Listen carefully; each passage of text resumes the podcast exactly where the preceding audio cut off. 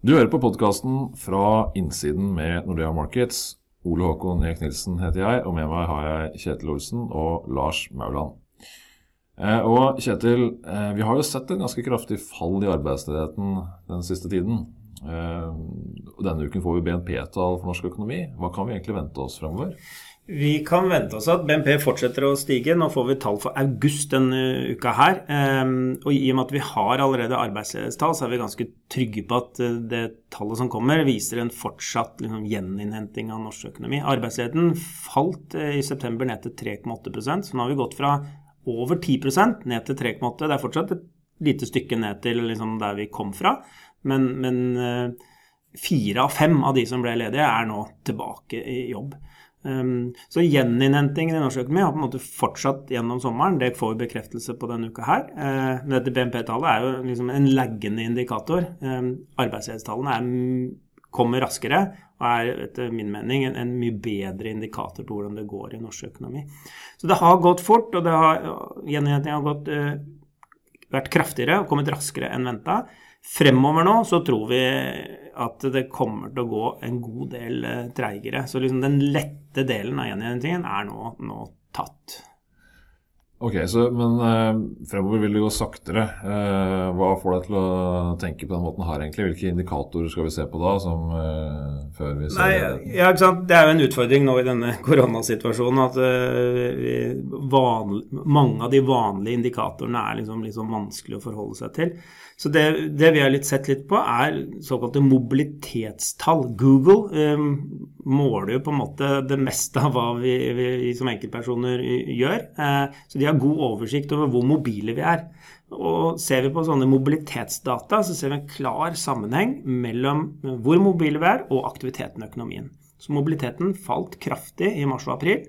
Sammen med aktiviteten i norsk økonomi. Litt åpenbart, fordi vi liksom stengte ned landet. Eh, vi satt hjemme og turte ikke å gå ut. Tvert som norsk økonomi har åpna opp igjen, har vi blitt mer mobile, og aktiviteten har kommet etter. Men nå de siste månedene så har på en måte mobiliteten på en måte stabilisert seg eh, på et, nær et normalt nivå, men vi er litt under. Eh, og det tror jeg, sånn tror jeg vi kommer til å ha det en god stund inntil vi på en måte får en, en, en større avklaring rundt eh, koronasituasjonen. Da. Om det kommer en vaksine hva som skal til på en måte for å ta den siste resten. Men det gjør jo at de bransjene og sektorene som er rammet av korona, på en måte vil fortsatt være det en god stund, tror jeg. Ehm, så vi kommer ikke helt tilbake til den mobiliteten vi hadde med en gang. Og det gjør også at aktiviteten på en måte i større grad ikke stabiliserer seg, men i hvert fall gjeninnhentingen kommer til å gå mye, mye tregere. Um, ja, så Det er på en måte den viktigste indikatoren, sånn som jeg vurderer det. Når du skal følge med på både utviklingen her hjemme, men også i, i andre land. Ok, Så folk er eh, i mindre grad arbeidsledige. De flytter mer på seg. Men nå ser vi også at de blir sykere. Smittetallene vokser. Ja, vi ser det i Norge, og ikke minst ser vi det i Europa. Eh, Spania, Frankrike. Der er smittetallene langt høyere enn det de var i mars og april.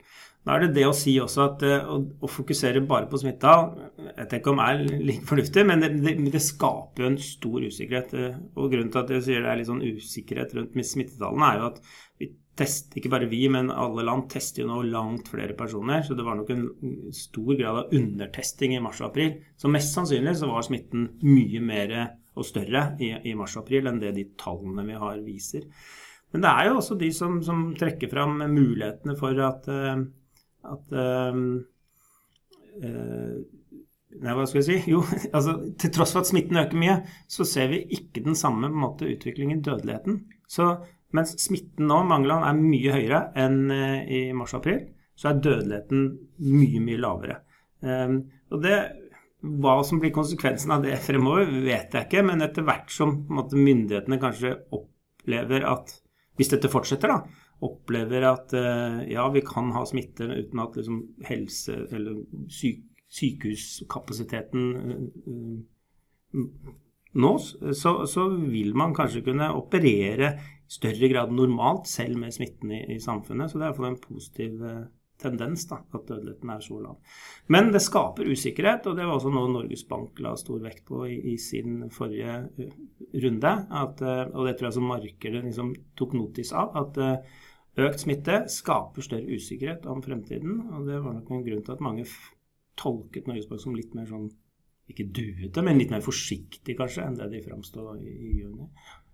Med, med, usikkerhet og, og, risiko så kan man jo egentlig tenke at her er utfallsrommet stort. Og hvis man er optimist, så kan man i grunnen si at uh, det er en sykdom folk ikke dør av, så vi kan eh, ignorere den. Og er man litt pessimist, så kan man si at det er en sykdom som tiltar i styrke, og her går det bare én vei, og det er nedover. Norges Bank valgte, høres ut som å legge mer vekt på den siste utgaven enn sannheten er den første. Uh, men, eh, og det, det, det, vektet vel da tyngre også enn en eh, det faktum at boligprisene ser ut til å stige litt. Eh, og Lars, eh, rentemarkedet reagerte litt negativt. Hvor, eh, hvor, ille ser det ut nå, egentlig? Si norske renter som fikk et særegent løft etter rentemøtet i juni, da Norges Bank som eneste sentralbank foreløpig signaliserte at de skulle sette rentene opp.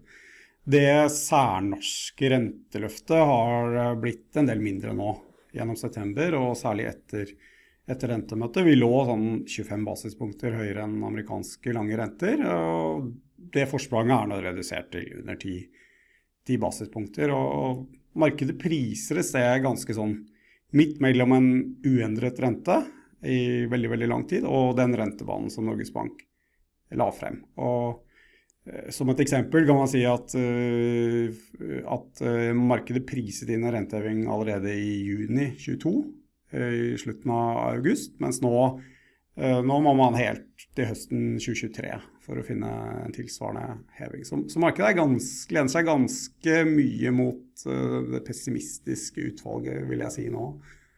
Mm, det er smittetallene man har lagt, lagt vekt på, eller egentlig Norges Bank, om du vil, sin dovishness. Ja, jeg vil tro det. Og så var det nok også litt en forventning om at, uh, som Kjetil var inne på, at, uh, at høye boligpriser skulle uh, trekke rentebanen opp i september. Og det, Norges Bank var ikke spesielt bekymret for boligprisveksten. Mm. Langrenter, altså Norske langrenter har altså nærmet seg de utenlandske i den samme perioden. Hva tenker du om de egentlig?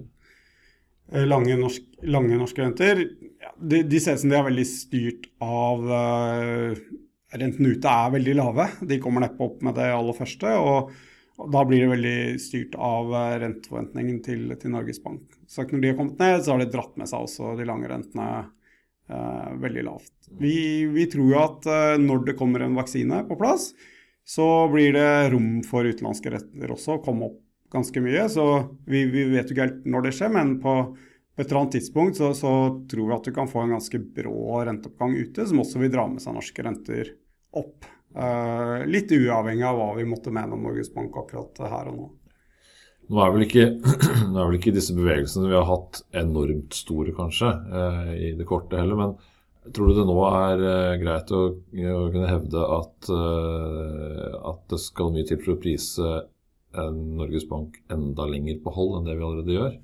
Ja, det tror jeg. Da må vi tilbake til den, kanskje den usikkerheten vi så i, i mai, eh, april-mai, hvor Norges Bank eh, da signaliserte uendra rente, nullrente for, for evig og alltid. og da, da, må ting være ganske mye verre enn det det er nå. Det, det kan selvfølgelig ikke utelukke at det skjer, eh, men det er i hvert fall ikke vårt hovedscenario. Vi tror på en forsiktig bedring av eh, konsekvensene av, av, covid, og, og således også for, for økonomien. og og da skulle vente helt til slutten av 2023 før Norges Bank reagerer på det, det, det tror jeg er altfor lenge.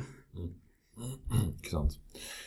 Ja, så det å, være, det å, være, økonom handler veldig ofte om å si at det er stor grad av usikkerhet. Det er det for så vidt nå også. Eh, utfallsrommet er stort. For optimistene så burde det handle om det faktum at eh, det dør stadig Eller dødeligheten er relativt lav.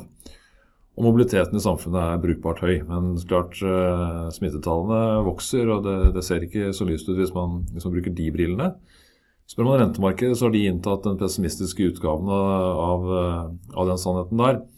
Eh, og vi syns vel det er vanskelig å, å, å klare å overbevise hvert fall oss selv om at uh, det finnes en, en voldsomt nedside på, til, til det scenarioet. Det var vel det vi hadde for denne gangen.